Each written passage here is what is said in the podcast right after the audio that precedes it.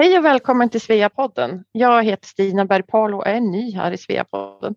Jag bor i Kreuzlén som ligger i norra Schweiz, väldigt nära den tyska gränsen. Jag tillhör Svea Zürich, där jag har varit kassör tidigare och varit medlem där sedan sju år tillbaka. Jag har ungefär en timme med bil eller tåg in till Zürich.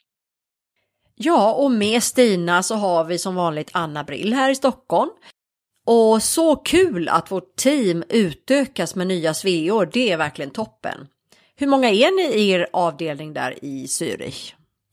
Ja, tack Anna, det var så roligt att jag får komma med i Svea på ett gänget. Ja, vi är ju ungefär 107 medlemmar var vi förra året, 2021 och eh, tillhör en av de större avdelningarna i region OEMA. Ja, och Stina, jag vet att du gärna ville berätta lite om en av eh, Sveas intressegrupper där du är engagerad. Berätta. Ja, det stämmer. Jag sitter även med i Svea Skrivers styrgrupp och ansvarar för Svea Skrivers Facebookgrupp.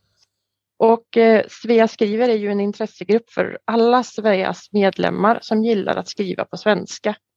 Och våra medlemmar är allt från glada amatörer som jag till eh, publicerade författare. Så om du är intresserad så kom gärna med om du vill skriva. Du hittar oss antingen på vår hemsida skriver.svea.org eller på vår Facebookgrupp som heter Svea skriver. Ja, och innan vi presenterar Nathalie Thiel som Stina och jag samtalade med häromdagen så eh, bara en liten påminnelse om att vi just fått, eller kommer att få i dagarna, ett mejl där alla som är med i Svea och OBS, det gäller då om du har betalat din medlemsavgift för 2022. Eh, annars får man inte vara med och rösta nämligen. Men eh, har du gjort det så får du det här mejlet och då får du chansen som medlem att rösta på kandidaterna till Årets svenska kvinna 2022. Vi hade ju vår fina kronprinsessa Victoria som Årets svenska kvinna 2021. Så nu är det ju jättespännande att se vem av de här kandidaterna våra medlemmar och du väljer. Ja, och på tal om Nathalie, vilken resa hon redan gjort, för hon är ju inte så gammal än. Ja, hon har väl inte ens fyllt 30. Hon har ju redan hunnit jobbat i Kina och nu så är hon baserad i Casablanca, den största staden i Marocko, där hon arbetar för Business Sweden. Ja, visste du att Business Sweden finns i 40 länder? Och deras uppgift är ju framför allt att hjälpa då svenska företag att slå sig in på olika marknader ute i världen. Nej, det var helt, det var helt nytt för mig. Men det är ju riktigt bra att det finns och de hjälper ju inte bara de stora utan även de små företagen att komma in på olika internationella marknader. Så samtalet handlar en hel del om företagande i Afrika och framförallt Västafrika där Nathalie arbetar och hon är ju då ansvarig för över 30 länder där nere. Det händer så mycket och många av de där ländernas ekonomier växer ju så starkt. Och sen så det här med satsningen på förnybar el i form av solenergi, det är ju så coolt. Till exempel så har ju Marocko en stor satsning på en helt ny solenergipark i Sahara där de då kommer att sälja el till Europa snart. Alltså hur häftigt är det? Ja, verkligen. Sen är ju Marocko så mycket mer. Det är ju ett superintressant land som jag gärna skulle vilja besöka. Vi pratar ju mycket om maten, tajin och couscous och alla underbara ställen som det går att besöka, bland annat staden Marrakesh och alla fina turistorter vid kusten i söder dit Nathalie brukar åka för att surfa. Men jag tycker vi dyker in nu i intervjun med Nathalie och får höra henne själv berätta om sitt liv där nere och hur hon bland annat introducerar ett fredagsfika på jobbet och tar långa, typ svenska då, promenader själv ute i stan. Och inte bara det, utan hon berättar också en hel del om eh, sitt tidigare jobb när hon bodde i Beijing i Kina och hur långt framme Kina är när det gäller digitalisering och hur saker och ting går till där. Ja, alltså man får ju nästan känslan av att de ligger före Sverige. Coolt, eller hur? Så att eh, jag säger varmt välkommen till Nathalie Thiel.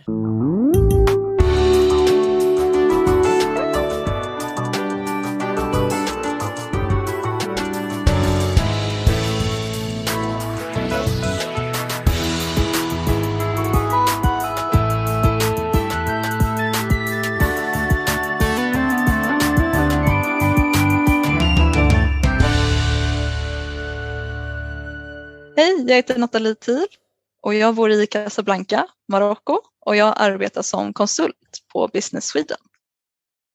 Hej Nathalie! Varmt välkommen till Sveapodden!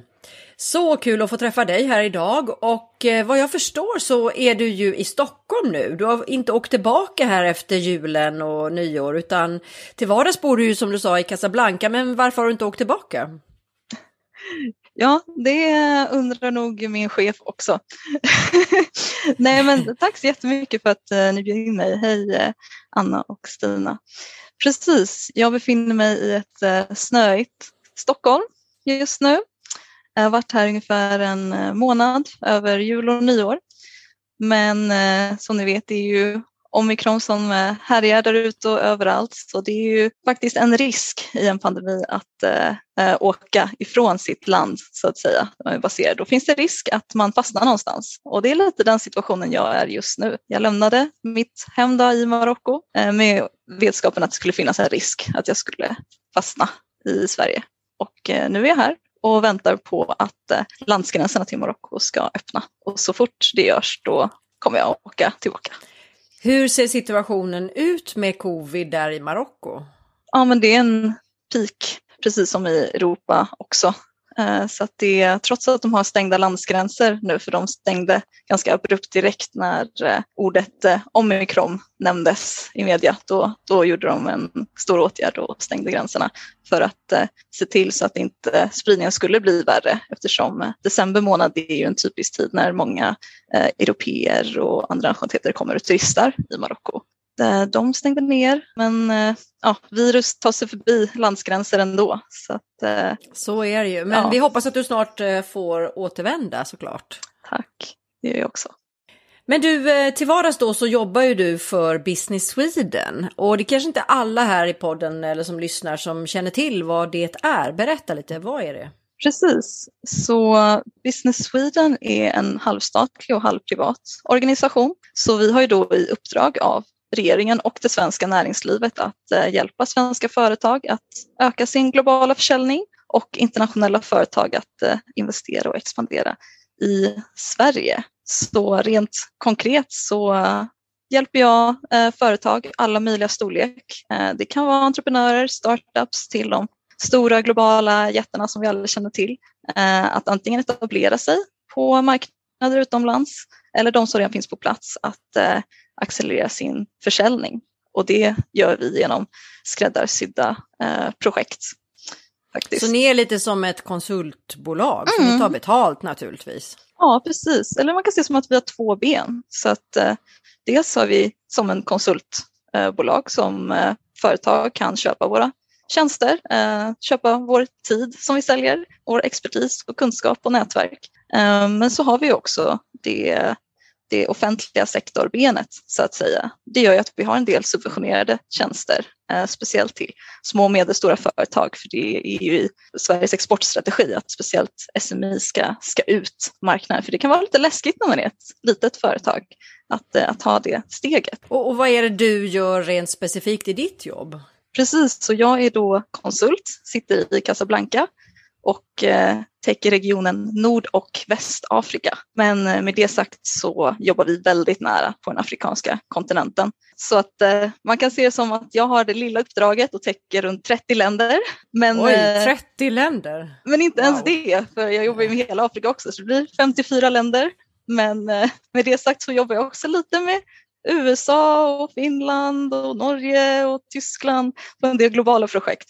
Så att eh, ja, det, det, är svårt att säga. Jag jobbar med lite hela världen men speciellt fokus på Afrika. Och men det inom... är Business Swedens liksom hub i Afrika som ligger i Marocko, så ah. ni finns inte på andra, i andra länder i Afrika? Vi har tre hubbar eh, på Afrika. Så Casablanca täcker Nord och Västafrika. Så har vi Nairobi som täcker Östafrika och Johannesburg, Sydafrika, som täcker södra Afrika. Så tre hubbar, men vi jobbar väldigt nära varandra eh, tillsammans. Och sen jobbar vi med alla typer av företag som jag nämnde och i alla industrier. Alltifrån, ja, alltifrån renewable energies till eh, gruvindustrin, till telekomindustrin, till ja, energisektor. Du, vilka, vilka typer av svenska företag är det som mest söker sig till Marocko och till Nordvästafrika? Det är verkligen hej vilt. Jag jobbar med allt från statliga myndigheter faktiskt som, eh, som vill att vi ska göra lite projekt i olika delar av regionen. Men det är också startups som vill etablera sig, speciellt i Nigeria. Det händer ju väldigt mycket där, speciellt inom tech. Eh, det är Afrikas största ekonomi. Men också inom gruvindustrin eh, finns det väldigt mycket potential i, i Västafrika.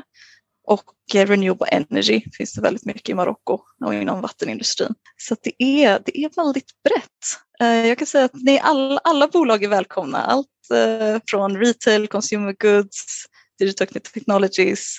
Det finns verkligen möjligheter på den här, på den här kontinenten. Låter väldigt intressant. Ja, eh, Casablanca är ju, låter ju otroligt spännande. Jag tänkte bara för de som inte riktigt har koll, men i Marocko, det ligger ju i nordvästra hörnet av Afrika och det är ungefär 34 miljoner människor som bor där. Och den har ju historiskt varit eh, koloniserad av både Frankrike och Spanien men de har ju en monarki där kungen har möjlighet att eh, säga rätt mycket och kan avsätta folk och sådär. Men hur är det att bo i ett sådant land jämfört med Sverige? Ja, precis. Både Sverige och Marocko är kungadömen. Det tänker man inte så ofta på. Men så är det ju faktiskt. Nej. precis. Det var kung Mohammed den sjätte. Är han väl. Precis. Hur är det med det, att leva, med någon, att leva i en stat där det, det har ju varit så att tidningar har ju stängts ner av kungen för att de har varit kritiska mot kungen och så. Det är ju lite annorlunda än vad våra kung gör. Ja, nej men det, det är ett äh, ämne som man inte kanske tar upp när man väl är på plats och är kritisk mot och pratar man inte så mycket om, om, eh, om kungen. Folk har tillit med honom skulle jag säga. Och det har ju också gjort att Marocko är en väldigt stabil stat eh, i regionen ändå och inte påverkas så mycket av den arabiska våren till exempel. Eh, så att eh, mm. folk eh, är positivt lagda till att det är ett kungadöme. Men eh, de har ju ändå ett parlament, ska man väl ändå säga, eller hur? Eller hur fungerar det? Han sitter inte och bestämmer allting själv. Liksom. Nej, precis, de, de har ett parlament. De hade, Marocko hade val nu förra året och precis en ny regering eh, som är, eh, de är väldigt businessinriktad faktiskt. Så det är positivt för investeringar och det är också värt att säga det till svenska företag att stor del av parlamentet styrs nu av av människor som har mycket bakgrund inom näringslivet och är väldigt eh, inriktade på, på investeringar, på att attrahera investeringar. Du, hur ser du på det där som eh, Stina just frågade här med skillnaderna på att eh, jobba i Marocko och till exempel Sverige? Är det stora skillnader liksom i arbetslivet? Det är lite speciellt att fråga för att jag har inte riktigt arbetat i Sverige. Jag har haft en internationell karriär nu i några år. Så jag har inte riktigt bara för att jag sitter och jobbar nu i, i Sverige så är jag inte baserad här. Och eftersom jag sitter där jobbar jag faktiskt på en svensk organisation. Så det, det är ju lite lustigt så att jag har inte riktigt fått den här svenska upplevelsen i Sverige men jag har inte heller fått den marockanska upplevelsen i Marocko om jag kan säga så. Men vi är ju ett litet team som sitter där i Casablanca. Men med det sagt så är vi inte speciellt många svenskar. Mm. Utan det är jag eh, och min chef som har eh, flera nationaliteter. Eh, så jag är väl den enda helsvensken och jag försöker ändå ta med mig lite svensk kultur. Eh, jag har mm. ganska nyligen etablerat ett koncept, liksom Friday fika. Så att, vi, ja, så att vi, vi ska ha det. Nu har det blivit lite konstigt eftersom det är digitala tider så att vi kan ju inte riktigt sitta fysiskt i ett konferensrum och fika eller liksom ses vid eh, kaffeautomaten på det sättet. Men jag tycker ändå viktigt att lära känna sina kollegor och det tar jag väl med mig lite från, från Sverige. Att jag, vill, jag är nyfiken på människor och jag tycker vi kan verkligen samarbeta bättre om vi lär känna varandra och bara det också, att faktiskt arbeta i team tror jag är ganska svenskt. Uh, och just också att vi inte har speciellt hierarkisk arbetsplats mm. utan alla, alla får ta initiativ, alla får göra sina röster uh, hörda och vi, vi umgås faktiskt mycket på fritiden också. Har du fått mycket vänner i Marocko som du umgås med? Ja, faktiskt. Och det kan jag ju jämföra med på andra platser jag har bott internationellt. Då hamnar man ju lätt i den här expat-bubblan som jag tror många lyssnare kan känna till. Och det är inte nödvändigtvis negativt på, på något sätt. Men då innebär det att man ofta umgås med, med kanske andra svenskar eller andra utlänningar som kanske är, där under en viss tid. Men just i Casablanca så är inte det en typisk expat-hub på samma sätt som kanske London, Paris eh, och andra städer är, utan det är inte så många utlänningar och inte så många utlänningar kanske i min ålder som flyttar dit ensamma. Så ja, de flesta jag umgås med är faktiskt marockaner, vilket är eh, ganska unikt. Jag är väldigt glad för den upplevelsen och speciellt nu under covid-tider. Jag flyttade ju faktiskt till Marocko där februari 2020, så bara några veckor innan, innan nedstängningar och så vidare. Och då var det ju lite svårt också att, att hitta eh, vänner för att dels har det inte varit, eller min upplevelse i alla fall, det är inte så många utlänningar som kanske flyttar in Eh, till en sån stad eh, under covid. För i alla fall Marocko har varit ett land som har varit öppet och stängt, öppet och stängt, öppet och stängt. Så att även om man kanske haft planer på att flytta dit så har det kanske inte blivit av. Så eh, ja, summa summarum, jag har mycket marockanska vänner. Eh, så jag lär mig en del om kulturen på så sätt. Jag har faktiskt träffat på några marockaner här i Stockholm som var väldigt välutbildade och sådär. Men man fick liksom en känsla lite av att kanske finns vissa som har det gott ställt och sådär. De går på jättefina skolor medan kanske andra lite som inte har så mycket medel kanske inte kan utbilda sig. Tror du att det är så? Eller är det stora skillnader? Absolut. Mer än i Sverige? Absolut, det är verkligen stora skillnader jämfört med Sverige. Nu hamnar jag i en annan typ av bubbla och det är ju storstadsbubblan. Och så är det i eh, de flesta storstäder i Afrika. Det är ju extremt stor skillnad på när man är i, i en eh, huvudstad eller en stor internationell stad jämfört med landsbygden till exempel. Det är sådana otroliga socioekonomiska skillnader. Klyftor. Absolut, ja. absolut. Uh, och i, ibland så undrar jag vart de här marockanerna håller hus. De här högutbildade, de som har pengar. För det är inte så att man ser folk, enligt min upplevelse i Casablanca, gå omkring på gatorna. Utan de flesta mm jag gillar ju att gå. Det har jag tagit med mig som svensk. Jag gillar att ta promenader, jag gillar att gå kring och upptäcka en stad på det sättet. Men det är inte alltid som alla gör det, utan eh, i den här staden, folk tar ju bil överallt. Mm. Så det är svårt att, att springa på. Men du känner dig säker att bara gå omkring på gatan? Det är inte så att du, du känner att det känns otryggt? Eller är det en väldigt eh, trygg stad, Casablanca? Ja, jag sticker ju lite ut. Jag är ju blond och ett klassiskt liksom, skandinaviskt svenskt utseende. Och just eftersom det inte är så mycket utlänningar, jag har under min tid inte sprungit på några andra eh, svenskar, eh, så i den staden i alla fall, då sticker man ju ut. Och man sticker ut på ett annat sätt om man, än om man skulle varit i Marrakesh till exempel. Eh, Marrakesh är ju en av de största turistorterna där turister åker till. Det är inte lika mycket turister i Casablanca. Men å andra sidan, jag känner mig ganska trygg. Jag, jag låter inte riktigt jag tänker inte på det så mycket utan jag gillar ju det jag gillar att göra. Jag gillar att gå mycket. Eftersom, även om mina taxiresor har ju blivit mycket fler än vad jag skulle gjort i Sverige till exempel. Jag går mycket, jag springer mycket, jag går mycket själv. Och det kanske mm. ses som lite ovanligt skulle jag tro. Kanske gå som en mm. ensam ung kvinna eh, utan sällskap. Men ja, det är klart man får lite blickar, man får lite kommentarer men inte hotfullt utan jag tror folk är ganska nyfikna. Men jag tänkte också på det där med, vi ska prata om det lite senare, med det här med att besöka Marocko. Men alltså mm. det är ett säkert land att besöka som turist och, och befinna sig i. Det, det, det, upplever du eller? Absolut, absolut. Alltså det, ni måste besöka Marocko som turist. Det, ja, nej men vad, är, det, vad är det du gillar, vad är det bästa med Marocko? Vad, vad, finns det inte att gilla? Det finns så mycket att upptäcka, så mycket att se. Så jag uppmuntrar alla sveor att åka till Marocko på semester. Det är en eh, otrolig plats att bo på, men, men framförallt att besöka. Det jag tycker är fint med Marocko, så jag bor ju inte i huvudstaden. Rabat heter huvudstaden. Jag bor ju i eh, Marockos största stad, Casablanca. Är det liksom eh, business-huvudstaden Casablanca? Precis, det, det är själva affärshubben.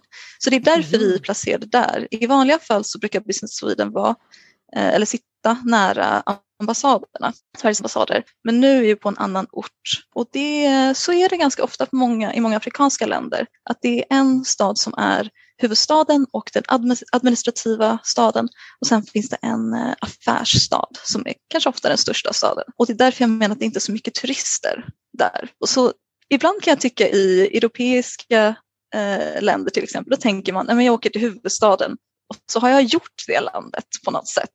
Mm. Det är lite naivt, men det kan man tycka. Liksom, vart ska jag åka i Tyskland? Jag kanske åker till Berlin och men du, lite insider här nu då. Var ska man åka som turist och när ska man åka? Precis, det är det jag tänkte komma till. Men just när det kommer till Marocko är det så fascinerande för det finns så mycket otroligt många städer som då inte är huvudstaden som är värda att besöka. Så mitt råd nästan är att hyra en bil och åka runt i två veckor. Det hade varit det optimala faktiskt. Men det, det vanliga är ju Marrakesh.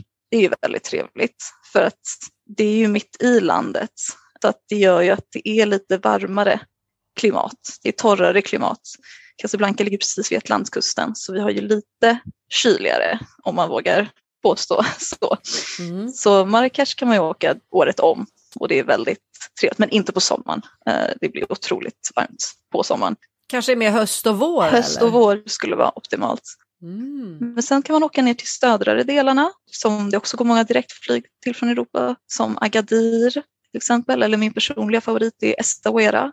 Det är väldigt trevligt. Eh, det kanske finns några nördar där ute som känner till Estaouira för det var där eh, många scener från Game of Thrones spelades in. Oj. Men det är badorter alltså eller? Ja, precis. Eh, eller som jag gillar att surfa, bra surforter. Men sen kan man åka mer till norra delarna istället, så huvudstaden Rabat eller Tanger som ligger väldigt, väldigt nära gränsen kan man nästan säga till Spanien. Om man vill ha lite mer europeiska influenser. De känns väldigt som typiska europeiska städer. Tang, vad säger man på svenska? Tanger? Jag vet faktiskt inte vad man säger på svenska. ja, förlåt, nu kommer fick jag sån här. Har ni spelat det här spelet Den försvunna ah, diamanten? Ja, just Då finns det! Där staden med. Det stämmer, det stämmer. Den, ja. den fick faktiskt med där precis på kartan. Ja, annars har man liksom inte så mycket mm. associationer dit. Men vad Men, spännande. Jo du Nathalie, vi tänkte på en annan grej. Man har ju hört att det var några turister där som råkade lite illa ut i de där Atlasbergen och är det verkligen säkert att ut och traska själv sådär mycket i naturen i Marocko? Vad säger du? Ja, det har ju haft ett väldigt dåligt rykte, speciellt i Norden av sina förklarliga anledningar. Jag själv var det, för mig var det på min bucket list eh, man säga, att hajka i Atlasbergen. Eh, Men jag hade hört så mycket om det, jag sett vackra bilder. Det är säkert om man håller sig till etablerade eh, routes, så att säga, rutter. Så man ska inte göra misstaget att eh, gå på sin egen hand. Det är nog lite naivt.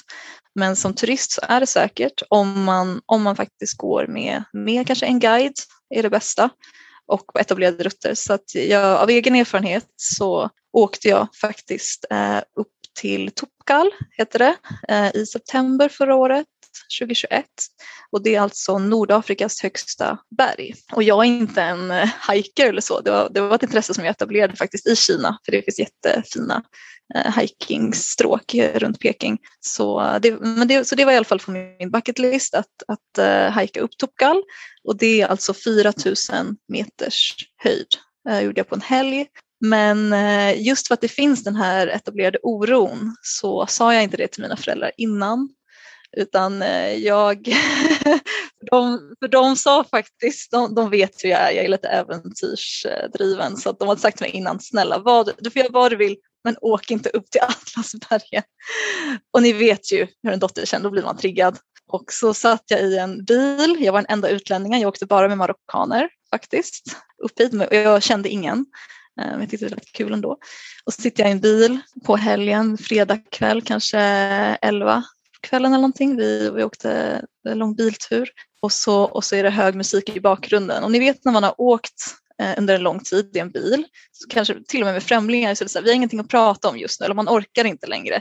Vad gör jag då? Ja, men jag, jag ringer mamma och pratar lite. Och så hör hon då lite, för jag är lite uttråkad och vill prata med mamma och så hör hon att det är musik i bakgrunden och det är alltså musik i bilen. Och vid det här tillfället i Marocko så var ju nattklubbar och barer hade stängt. Det fanns en curfew på kvällen. Eh, så hon tänkte, vad gör du? Är du på diskotek?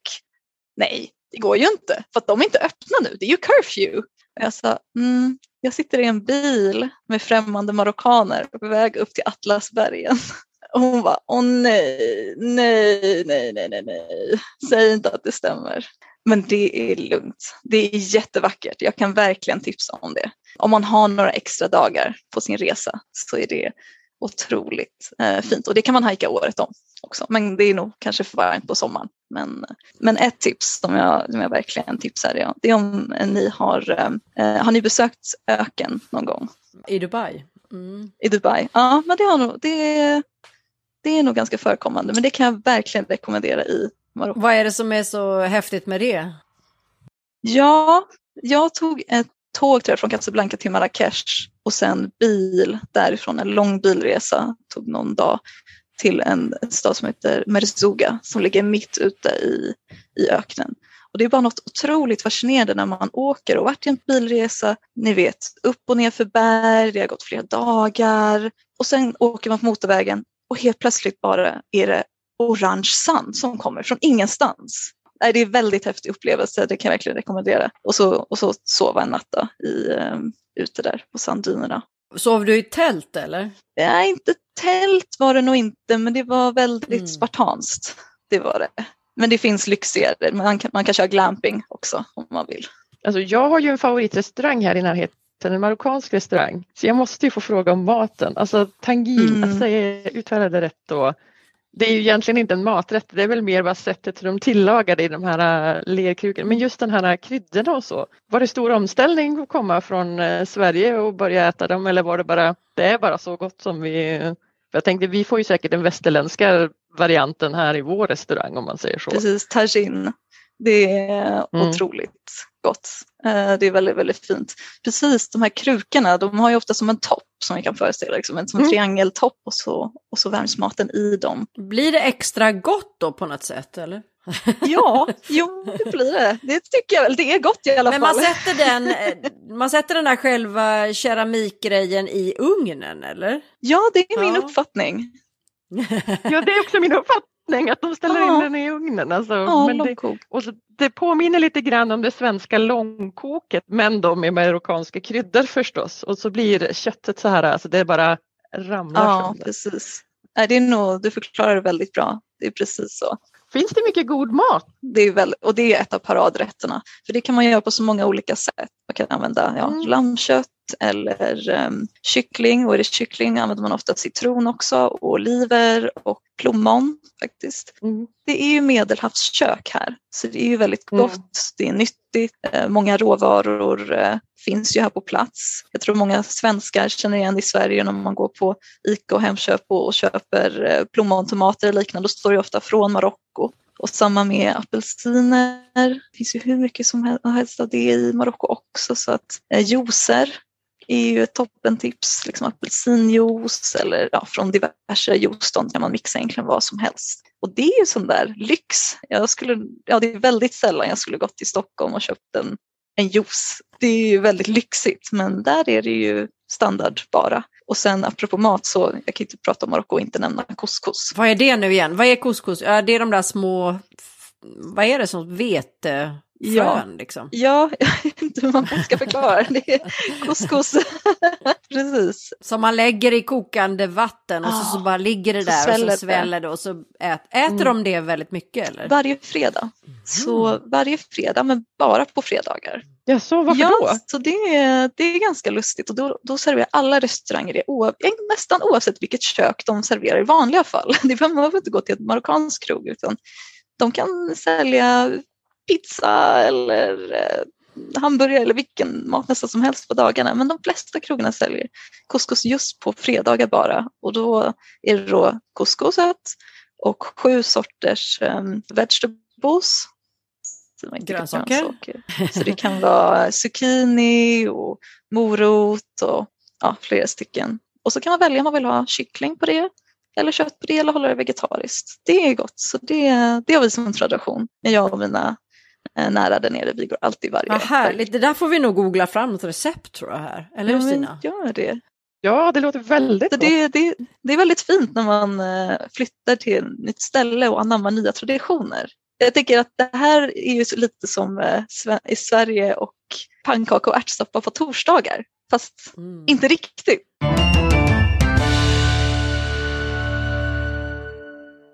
Svea är den största ideella Sverigefrämjande organisationen utanför Sverige.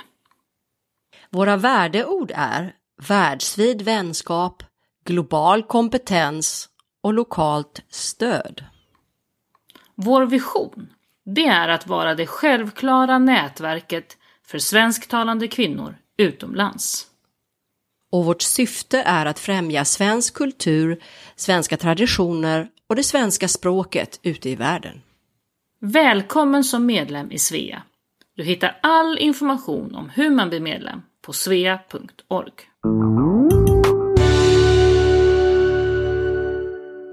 Men du, hur bor du egentligen? Eh, liksom, bor du mitt inne i stan, nära jobbet och hur tar du dig till jobbet? Och är det dyrt att bo? Eller hur, hur ligger det till med det? Mm, jag bor centralt på en plats som heter Gautier. Så där bor många utlänningar skulle jag säga. Och det är nära till jobbet jag kan gå. Det är inte gated community eller något sånt alls. Det är inte så man bor utan man bor i ett vad ska man säga, vanligt bostadshus. Men det som jag tyckte var nytt som inte jag hade upplevt förut på en annan ställe jag bott på det är att man har en så kallad concierge.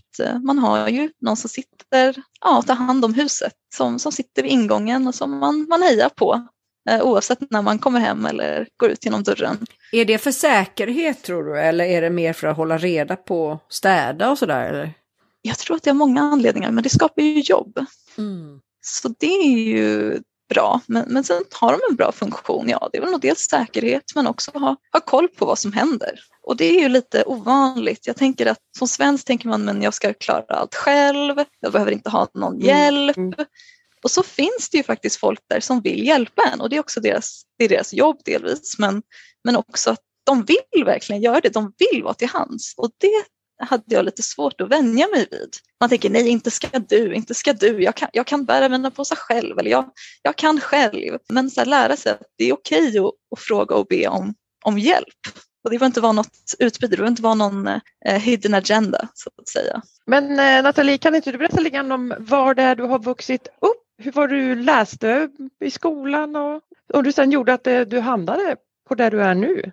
Business Sweden. Absolut. Så jag är från Stockholm och bodde här i mina första det var väl nästan 25 år av mitt liv skulle jag vilja säga. Jag studerade fem år på Handelshögskolan i Stockholm.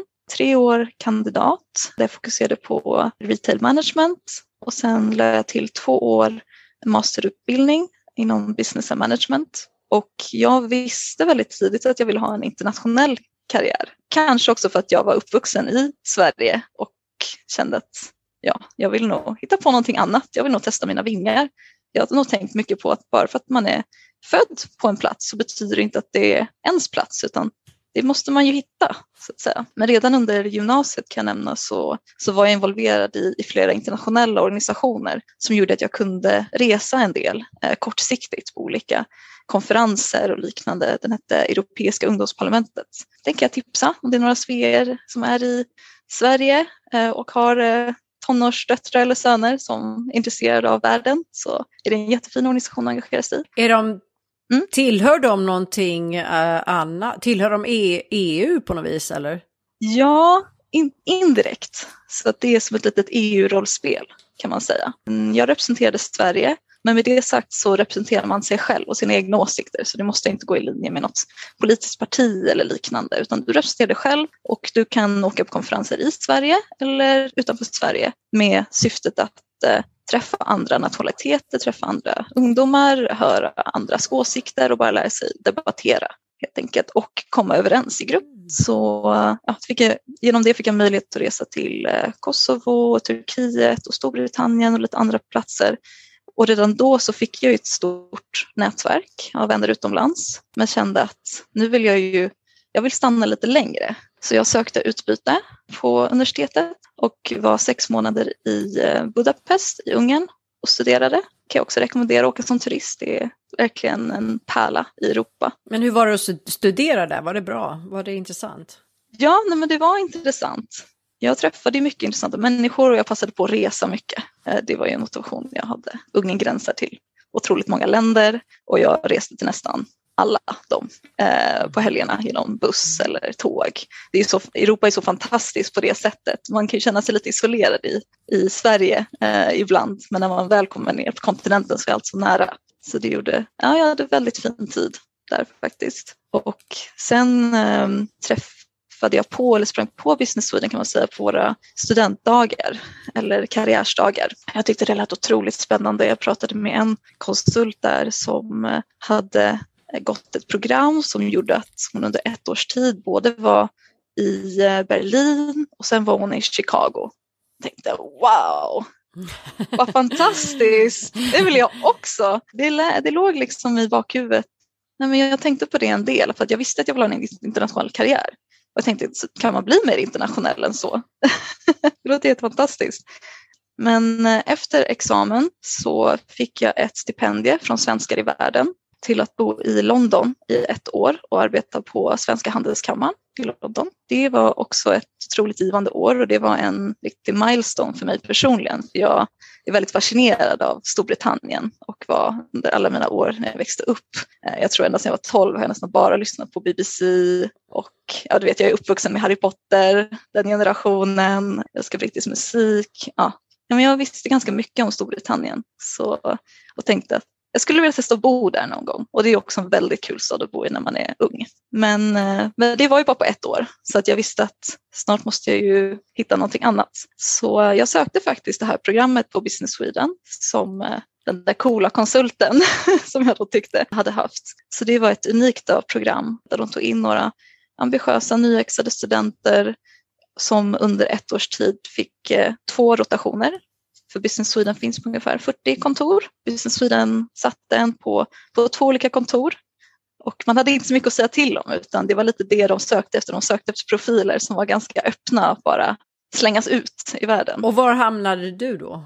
Precis, så jag eh, lyckades knipa en av de där platserna och hamnade då i Peking i Kina på min första rotation på sex månader och sen i eh, Casablanca i sex månader och sen blev jag kvar där. Men du, då måste vi ju stanna lite där vid Kina. Jag tror Stina, du hade ju någon fråga där om Kina. Det är ju så spännande land. Ja, jag har ju som sagt läst lite grann på din LinkedIn-sida lite grann om artiklar som du har listat upp som man kan läsa och vad jag förstår så är den eh, kinesiska marknaden och även den marockanska skiljer sig väldigt mycket från den svenska och europeiska. Vad tycker du? Och det är ju, den kinesiska marknaden har ju vuxit sig väldigt stark senaste åren. Vad tror du det kan bero på? Nej, men vi, vi sa eh, när jag jobbade i Kina, då sa vi alltid i teamet att men finns man inte på den kinesiska marknaden idag som företag, då, då finns man inte. Det är så dominerande så att man, man måste finnas i, i Kina idag. Men det är en ganska komplex marknad att slå sig in på. Som du sa, det är mycket olikheter. Ehm, och Kina är ju så stort som en kontinent. Även om, även om företagsledare kontaktar oss och säger att ja, vi vill in i Kina. Det är där, okej, okay, var ska vi börja? som var, vil, vilken stad, vilken målgrupp? Jag menar, det är, är 1,4 miljarder människor med diverse olika storlekar på plånboken. Menar du att det är ganska svårt för svenska företag att ta sig in på kinesiska marknaden? Nej, det behöver det inte nödvändigtvis vara, men jag tror att man måste ha en strategi. Jag menar, det, det är som om vi blir kontaktade för den afrikanska marknaden och företag säger att vi vill in i Afrika. Vart då? Hur ska vi börja? Eh, det är lite samma med, med Kina, även om Kina är ett land så är det så, så komplext och det är så diversifierat så att man måste nog ändå ha en ganska given strategi vilken målgrupp man vill nå genom vilka kanaler. Bara hela eh, kommunikationskanalerna skiljer sig helt annorlunda från europeiska marknaden och det är något som jag kände som privatperson också, att man måste navigera. Det är ju lite annorlunda. Mm, man kan inte inte, det är ju inte Facebook, det är inte Snapchat, det är, är inte Instagram. Vad är det de har? We, WeChat? WeChat, precis. Och det är ju väldigt spännande verktyg för att WeChat är liksom som en mix av Instagram, WhatsApp, Swish, BankID. Ja, man kan handla på WeChat och man kan göra allting på mm. WeChat. Allting allting du kan föreställa dig. Handla mat till, ja men inte bara som privatperson utan det är också där företagskontakterna sker och det är där marknadsföring sker också. Så det, det är inte så lätt alltid för ett västländskt företag att, att känna till det utan det är, man måste gå in med ganska öppet sinne och vilja, vilja lära sig. Det är ju ett otroligt digitalt samhälle med helt andra plattformar. Du, eh, känner du liksom som svensk, jag menar vi tror ju ändå att vi är ganska bra här i Sverige. Mm. Tycker du att kineserna är liksom före oss eller ligger vi typ där uppe bland dem? Har de kört förbi oss liksom? ja, men det är roligt, jag gick ju faktiskt på en restaurang här i Stockholm häromdagen och då, eh, jag tror det är lite saker som har hänt även i Sverige under eh, pandemin. Så det gick jag till en restaurang och så var det en QR-kod på bordet och så skannade man den och man betalade genom Swish. Och jag behövde inte röra på mig och jag behövde inte prata med någon. Och då tänkte jag wow, det var precis så här det var i, när jag bodde i Peking. Det, det är, liksom, det är QR-koder överallt, man gör betalning via mobilen. Allting, allting, allting sker via mobilen. Det är fasansfullt när batteriet eh, är slut. kan jag säga. Så det finns en stark eh, infrastruktur där. Så att vi ska inte vara så kaxiga. Jag tror vi har väldigt mycket att lära. Men det måste ju ha gått jättefort i Kina för att jag skulle säga om man går tillbaka 20-30 år då låg de ju, kanske inte alla kineser men när man tänkte på Kina så tänkte man ju inte det teknologiska framtidslandet Kina tänkte man ju inte. Men nu ju mer man läser så känns det som att nya trender de bara hoppar på direkt. Mm, precis, och det är roligt när man ser trender i Kina eller när jag var där och nu ser man det komma till Europa mer och mer några år efteråt. Till exempel hur, eh, när jag var i Kina så jobbade vi väldigt mycket med konsumentprodukter och eh, marknadsföra den typen av produkter eller tjänster till, till Sverige, eh, svenska företag då. Att eh, visa att kolla vilken konsumentmarknad det finns. Ni måste ju få en bit av den här kakan. Och ett sätt att marknadsföra sig på som var populärt då, eller det är säkert nu också, men det är ju eh, via video Säg att det är en influencer eller KOL som det heter i Kina, Key Opinion Leader, som är ju otroligt stora. Tänk våra största, största, största influencers. Och så sitter de och kör en eh, live-video som Instagram live ungefär och så kanske de säljer läppstift eller vad det är. Försäljningssiffrorna efter en, en sån stream. Nu har jag inga siffror top of my head, men det var något så otroligt, otroligt. Och den, ingen pratade på den tiden om Sverige med den typen av försäljningsstrategi. Men nu har det börjat komma lite mer och mer, det här liveförsäljning. Men det är fortfarande inte hela vägen. Jag ser lite mer att man kanske, en influencer som kanske sitter framför Instagram och kör live men så kan man inte köpa produkten direkt utan man måste ändå kanske in på hemsidan för att göra köpet. Så det är inte helt integrerat. Så vi är på väg, men vi har mycket att lära fortfarande. Jobbar de hårdare i Kina också än, i, än vad vi gör här hemma i Sverige tycker du? Mm, folk jobbar otroligt hårt. Det, det, finns en helt annan typ av kultur där, arbetskultur. Där, speciellt för de här techföretagen, då jobbar man sex dagar i veckan. Jag tror det är nio på morgonen till nio på kvällen de jobbar hårt. Men det går lite under radarn. Men om vi tänker lite grann nu, nu, nu när du eh, har kommit till Afrika, då är det ju en helt annan marknad mm. också. Och där säger många att alltså, nu är Afrika på frammarsch här. Och det är många ekonomier i Afrika som eh, börjar växa sig riktigt starka. Ligger Marocko bland dem? Ja, nej men absolut. Det, det var så chockartat. Jag hade ju hoppats att min arbetsgivare skulle ge mig en så bred eh, bild av företaget och, ja, och världen som, som möjligt. Jag hoppas jag skulle få väldigt olika marknader och det var ju verkligen två olika marknader. Att gå från det här hyperteknologiska samhället i Peking till, till Casablanca som fortfarande var väldigt beroende på, av cash skulle jag säga. Jag kan bara nämna det snabbt som en rolig anekdot att i Kina eller i Peking, man använder ju inte kontanter alls. Allt är i den digitala plånboken. Så okay. det, det var man ju van vid från Sverige. Man tänkte ja men Sverige det kommer vara the first cashless society. Men min upplevelse att Peking var verkligen så. Man kunde inte betala någonting med kontanter. Så när jag då skulle få ett bankkort så kändes det väldigt viktigt. Som sagt, ingen vill ens ta i mina kontanter. men det tog mig en, en, två månader innan jag fick ett bankkort. För jag, jag blev um, avvisad på uh, kanske tre till fem banker. Varför? Jag hade ju ett jobb men det var för att mitt namn var för långt. Okay. Så när man satte upp det var något som jag aldrig hade reflekterat över förut. Men ditt namn är ju inte speciellt långt. Det kan man tycka, men eh, när man, när man gör den administrativa biten så skriver man alla sina namn eh, som står mm. i passet. Och jag, mm. ja, tack mamma och pappa, men jag fick nog onödigt många eh, mellannamn. så, så jag blev faktiskt avvisad av flera banker på grund av att mitt namn var för långt. För det fanns inte tillräckligt med luckor där man skrev in det digitalt. Är det mycket byråkrati kommer man ju då tanken på att fråga. ja, precis. Tänker jag, kan man inte gå runt det där? Kan man inte skippa ett mellannamn? Men det, det gick inte riktigt hem. Men som på en bank så, så kom jag hela vägen. Så tänkte jag yes, nu, nu är det nära. För att det, jag hade, det var ju svårt för mig att klara mig i samhället eftersom jag inte kunde göra någon, några, kunde inte köpa någonting via den här appen. Så tänkte jag nu har jag kommit hela vägen och då frågar den, ah, kan du skriva ner din e-mailadress? Nej, den är för lång. Uh, så tänkte jag nej, det här, jag, jag, kan inte, jag kan inte bli avvisad på en till. Så då, jag tror jag gav min mammas e-mailadress väldigt kort. Jag sa nej, nej, jag har en annan, jag har en annan. nej, nej, men så från, eh, det var en liten anekdot, men från det till, eh, till Casablanca där jag mina kontanter togs väl emot, tack och lov. Känner du liksom att Marocko nu, nu har vi pratat om Kina och Sverige, känner du att Marocko på något sätt ligger lite mer efter då på något sätt?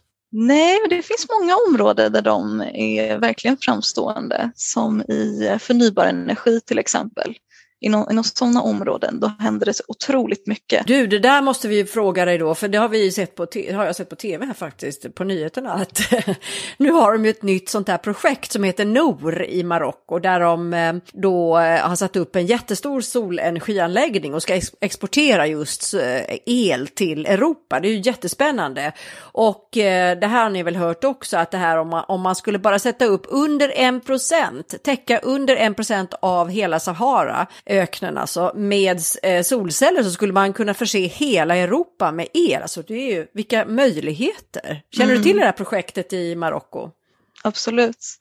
Jo men det, det pratas mycket om det. Så det, det är otroligt hur de verkligen arbetar på det. Så de sätter verkligen Afrika, om inte världen, på, på kartan med det här projektet och liknande projekt. Men det, de har ju goda förutsättningar också. Det är sol de flesta dagarna om året. Det finns också bra vågkraft, vindkraft. Men de är också då väldigt framåt, får man ju ändå mm. säga då, att de satsar på sådana här saker. Det mm. låter ju väldigt progressivt så. Verkligen. Nej men de, de sticker ut i, i regionen. Jag tycker Marocko is, is one to watch. Verkligen. Mm. Spännande. Men du, eh, vi vet ju också att du är medlem här i vår fina organisation Svea. Och eh, till och med i det här Svea Global, eftersom det finns ingen Svea-avdelning i eh, Marocko. Berätta lite hur du kom i kontakt med Svea och eh, så har jag också från en hemlig källa här fått reda på att eh, ni är tre generationer Sveor i din familj. Stämmer det? Ja, inte det fantastiskt? Ja, det går i släkten kan man säga så. Det är ju faktiskt så att min, eh, min mamma är medlem och jag skulle säga ganska aktiv medlem också. Så jag vet att Anna känner henne väl. Mm. Hon är baserad här i Stockholm men också med Svea Rivieran. Och är väldigt aktiv med bokklubbarna. Madeleine ska vi säga, hon heter. Ja, Shoutout! Shoutout till Madeleine mamma. Man ska alltid hälsa till mamma. ja. Absolut.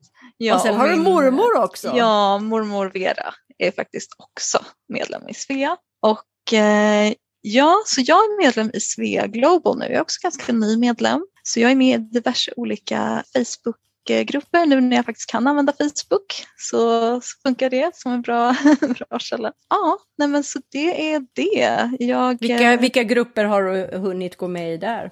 Ja, men jag är med i flera. Jag tror det är Svea Art, heter den så? Just det. Ja, ja, precis. Och sen Professionals mm. Mm, håller jag ett öga på. Ja, vad härligt. Så vi ska väl bara säga då för de som lyssnar som inte känner till det att vi har ju flera intressegrupper på Facebook och Svea Art är just för de som är intresserade av konst eller kanske målar själva. Svea Professional har lite fokus på jobb och karriär, men sen har vi till exempel en ny grupp som kanske inte ni har hört talas om som heter Svea Skriver. För om man är intresserad av att skriva, eh, skriva kanske noveller, romaner, vad som helst. Så att eh, vi har många olika eh, teman liksom, som man kan ägna sig åt inom Svea och det är ju roligt. Och jag kan säga det att eh, när jag skulle flytta till Peking eh, det första jag gjorde från min mammas rekommendation då också var att ja, men kontakta den lokala föreningen, vilket jag gjorde och de var väldigt eh, hjälpsamma faktiskt och vi stötte på varandra fler gånger under lite svenskrelaterade event. Jag tror en kräftskiva vill jag minnas. Det var, de var ett jättebra stöd. Vad härligt, vad roligt att höra. Jag skulle gärna vilja fråga Nathalie om du fick komma med förslag vad Svea skulle kunna tillföra för du räknas ju dem till de yngre i Svea. Vad skulle du vilja se för några aktiviteter som Svea skulle kunna erbjuda dig som är global? För vi gör ju väldigt mycket in, alltså, ö, över nätet så att det går ju att lösa saker väldigt enkelt. Mm. Vad, sak, vad, saknar du? Vad skulle du vilja, för det skulle finnas mer och som skulle göra att du blir ännu mer intresserad av Svea? Bra fråga. Det är klart jag vill bli ännu mer engagerad nu när jag faktiskt Eller du kanske tycker Svea är perfekt som det är, det så kan man ju också tycka. Nej, det finns alltid uh, utvecklingspotential säger jag som är konsult. Nej, men jag saknar absolut det här eh, nätverkande. Så att ibland tycker jag att det inte behöver vara så uppstyrt utan jag skulle jättegärna vilja ha lite bara fika-möten. Eh, Digital fika helt enkelt? Ja, ja, det har jag faktiskt gjort med många kollegor runt om i världen. Eh, ta en paus i vardagen och eh, lära känna någon digitalt, antingen om det är liksom one-to-one -one eller i grupp. För mig behöver det inte vara så formellt eller uppstyrt utan man kan nog komma och ha ganska djupa diskussioner ganska snabbt. Det, det skulle vara kul, kanske fika with Svea, varför inte? Ja precis, ja men det, mm. det ska vi ta till oss. Och det är klart, jag skulle jättegärna vilja, vilja länkas upp med eller nätverka med andra som kanske är i, liknande position som, som jag. Jag är ju då ganska ung och jag har inte familj utan jag är ju ganska, vill ju flytta runt lite och det är kul att prata med andra som är lite liknande, haft lite liknande Eh, resa. Men med det sagt, det vore också kul att ha någon typ av eh, mentorskap. Så kanske följa någon lite mer senior under längre tid och ha lite, komma liksom varandra lite djupare. Och där kan jag ju glädja dig med att vi har ju faktiskt startat ett litet mentorskap i en av våra grupper, nämligen i den här Sve Professional-gruppen. Men det är ju inom Facebooks, ska jag säga, teknik, liksom. man gör det i den där gruppen. Kul, då ska Men, jag kolla upp det. Ja, kolla upp det. Men du, eh, hur ser framtiden ut för dig egentligen? Vad, vad är du på väg och vad är dina drömmar? Vart, vart ska du härnäst? Liksom? Och hur länge ska du vara kvar i Casablanca? Ja, det undrar nog min mamma också. eh, nej, jag eh, har ingen sådär längre plan utan just nu så jag tycker det är viktigt att man är glad där man är just nu och just nu trivs jag väldigt bra eh, på platsen jag är på. Sen får vi se helt enkelt vart eh, livet leder en. Så jag, eh, jag kommer att vara baserad där en, ett tag framöver. Nej, du vill gärna stanna kvar inom Business Sweden ett tag till? Ja, men jag, jag, tycker det är väldigt kul. Jag vill ju verkligen ha en internationell karriär och man, man kan ganska enkelt eh, flytta mellan kontoren om man vill, eh, om man har den ambitionen, vilket väldigt många gör. Så om man nu skulle bli trött på att täcka 30 länder och alla industrier.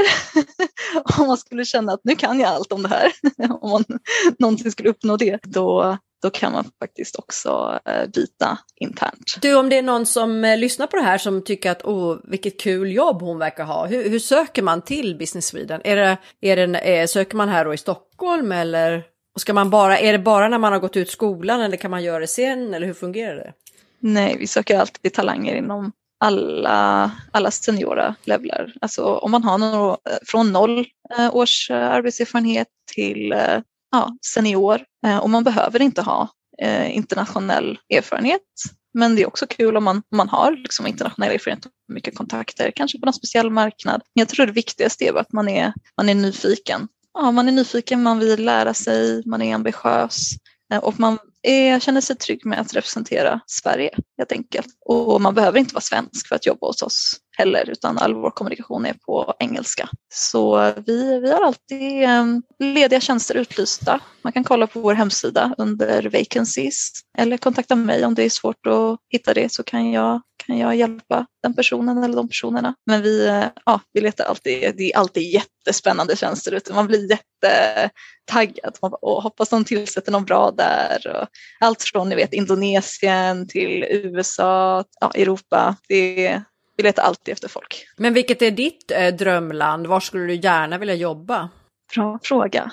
Nej, jag vet inte. Alltså det, det är det som är roligt. Alla de platser jag har bott på, förutom Storbritannien kanske, så var ju inte riktigt min radar. Utan eh, sen trivdes jag väldigt bra på de platserna. Så jag, jag hoppas och tror att vart jag än hamnar så kommer jag trivas och tycka det är spännande. Så just nu har jag väldigt mycket mer kvar att upptäcka i Marocko och i eh, Västafrika. Jag jobbar väldigt mycket i Västafrika jag var i eh, Nigeria för några veckor sedan och jobbade. Har förhoppningsvis några resor till Ghana framöver. Ja, jag har väldigt mycket kvar att upptäcka där jag är och i regionen just nu. Så, så det stämmer som alla säger då att det händer väldigt mycket i Afrika nu? Mm -hmm. Det bubblar otroligt mycket och jag på senaste tiden har jag producerat många intressanta um, rapporter på ämnet faktiskt om hur Afrika är nu men också framtida innovationshubben det sker otroligt mycket här, mm, liksom startup-scenen. Så jag rekommenderar alla verkligen att gå in på Business Swedens hemsida och, och läsa lite intressanta rapporter vi har om, om Afrika, speciellt inom innovation. Men det är väldigt brett.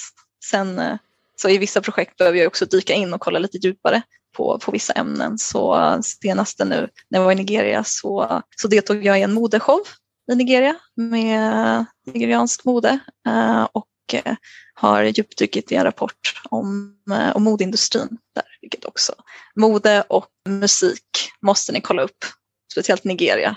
Det är så mycket att upptäcka. Och sen sa du ju när vi träffades idag här att eh, Business Sweden har en egen podd. Kanske någonting man kan lyssna på där också. Är det från olika kontor då som man kan lyssna på? Mm, det stämmer bra. Den eh, finns på Spotify eller där man hittar eh, poddar. Jag tror ni hittar den om man söker på Business Sweden. Um, det finns en mix, vissa avsnitt är på svenska, de flesta är på engelska och berör olika kontinenter, helt olika ämnen. Så inte, inte bara liksom Afrika finns också med, men också USA, eh, om vi djupdyker Kina finns det flera podcastavsnitt. Man kan verkligen åka världen över i den podden också, precis som i den här podden. Då har jag en liten fråga. Om eh, du skulle komma med något till uh, unga svenska kvinnor som vill bege sig utomlands, eller äldre kvinnor också för den delen. Är det någonting du skulle kunna ge som uh, förslag att man ska tänka på eller är det bara att kasta sig ut? Vad tycker du? Jag tror att det blir aldrig som man tänker sig. Eller ja, vissa kanske planerar väldigt bra, men jag tänker att det blir aldrig riktigt som man tänker sig. Så bara gå in med ett väldigt positivt mindset och ta det för er. Jag tror att man kan göra hur mycket research som helst, men det är aldrig så som man riktigt tror. Jag tror, som, som ni vet också, man ska inte komma med förutfattade meningar utan man ska komma med ganska öppet sinne, våga testa nya vanor som couscous på fredagar. Men det är helt okej okay också om man blir lite överväldigad. Det är, det, det, är inte lätt att flytta utomlands. Det är mycket utmaningar man, man är med om. Har det varit svårare än vad du hade tänkt dig? Jag har haft turen att ha väldigt haft fint stöd faktiskt. Jag har väldigt bra stöd. Jag tror det är viktigt att skaffa sig snabbt ett bra nätverk på plats som, som förstår kulturen och som man verkligen kan. Alltså jag tror att man ska man ska våga öppna sig så att eh, man inte bara kanske har vänner och familj hemma. För att man är ju på en helt annan plats och det är kanske svårt att, att förstå. Så jag, jag, tror att det är viktigt att liksom våga öppna sig, skaffa nya vänner, skaffa nya bekantskapskretsar, vare sig det är sådana som är från det landet eller expats och finnas till stöd för varandra. För man är i en privilegierad position att man kan flytta utomlands men det är också helt okej okay om det känns tufft ibland. Så, men jag tycker bara släng, släng, slänger ut, alltså testa. Och där har vi ju också Svea då som eh, finns faktiskt i 33 olika länder över hela världen och det är ju också fantastiskt. Svea är ju som en familj liksom. Man får alltid hjälp. Och jag tror också ett tips är att testa de här lite, lite udda platserna.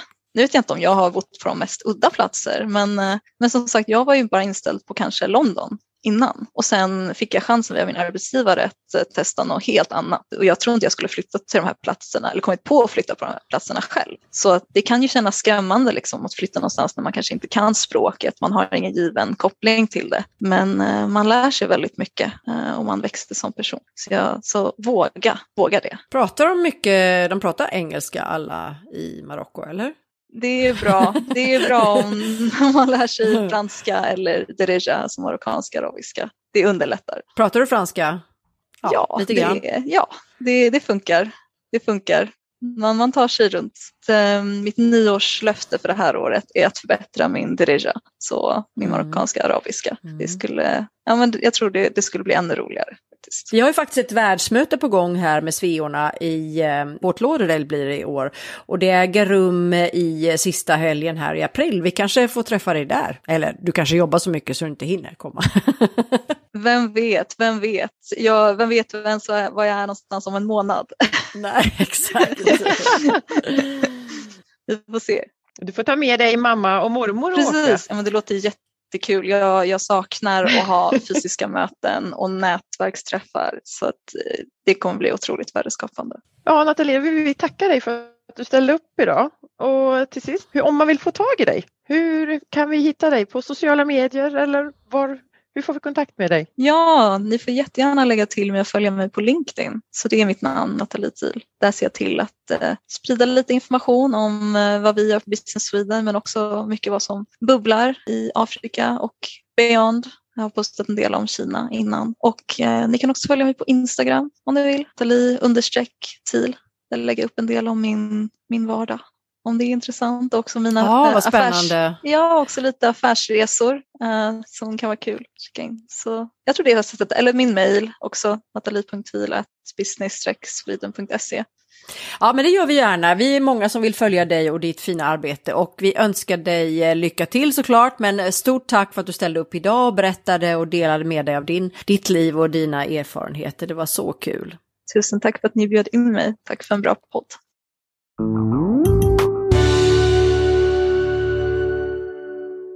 Tack för att du har lyssnat. Den här podden är inspelad och producerad för Svea International. Musiken är skriven för Svea av Fredrik Åkerblom. Alla vi som på olika sätt är involverade i produktionen gör detta som en del i vårt frivilliga engagemang för Svea. Sveapodden finns på de allra flesta ställen där du hittar poddar. iTunes, Google Podcasts, Spotify, Acast etc. Om du saknar något poddställe så skicka ett mejl till sveapodden gmail.com. Mer information om Svea hittar du på vår webbplats svea.org och i sociala medier så finns vi på Facebook, Instagram och LinkedIn och där hittar du oss som Svea International.